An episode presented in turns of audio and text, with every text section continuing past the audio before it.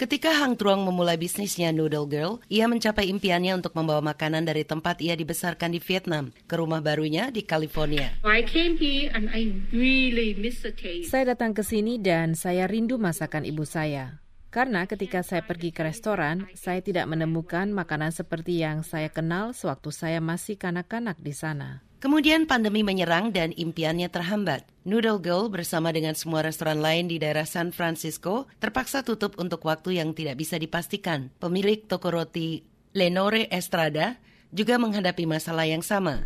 I knew that we just couldn't Saya tahu kalau restoran tidak bisa buka, saya akan bangkrut kalau tidak langsung mem-PHK pegawai saya.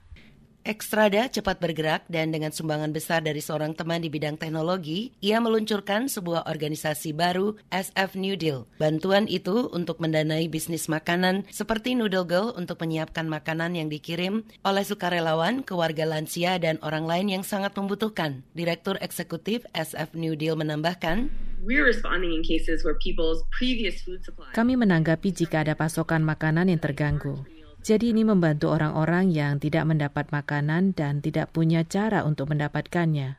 Dengan bantuan sukarelawan untuk mengantar makanan, SF New Deal merupakan penghubung penting antara dua komunitas yang membutuhkan, pembuat makanan yang memperjuangkan bisnisnya, dan penduduk yang terkurung di rumah. Seorang relawan di SF New Deal, Lina Garcia, mengatakan, Selamat siang, ini makanannya.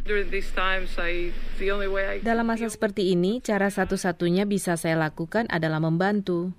Sejak Maret, lembaga nirlaba itu telah mengirim lebih dari 270 ribu paket makanan dan bekerja sama dengan lebih dari 80 restoran. This program is helping me to pay for all the things that I need in the business. Program ini membantu saya membayar segala hal yang saya perlukan dalam bisnis, tetap hidup dan semoga bisa bertahan.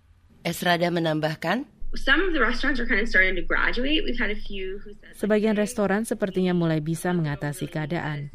Kami punya beberapa restoran yang mengatakan, "Hei, sebulan yang lalu kami benar-benar membutuhkan ini. Sekarang kami sudah bisa meningkatkan pesanan makanan. Jadi kami baik-baik saja dan Anda bisa memesan makanan untuk orang lain." Lenore Estrada juga menantikan saat dia fokus membuat roti lagi. Untuk Puspita Sariwati, saya Madioni, VOA.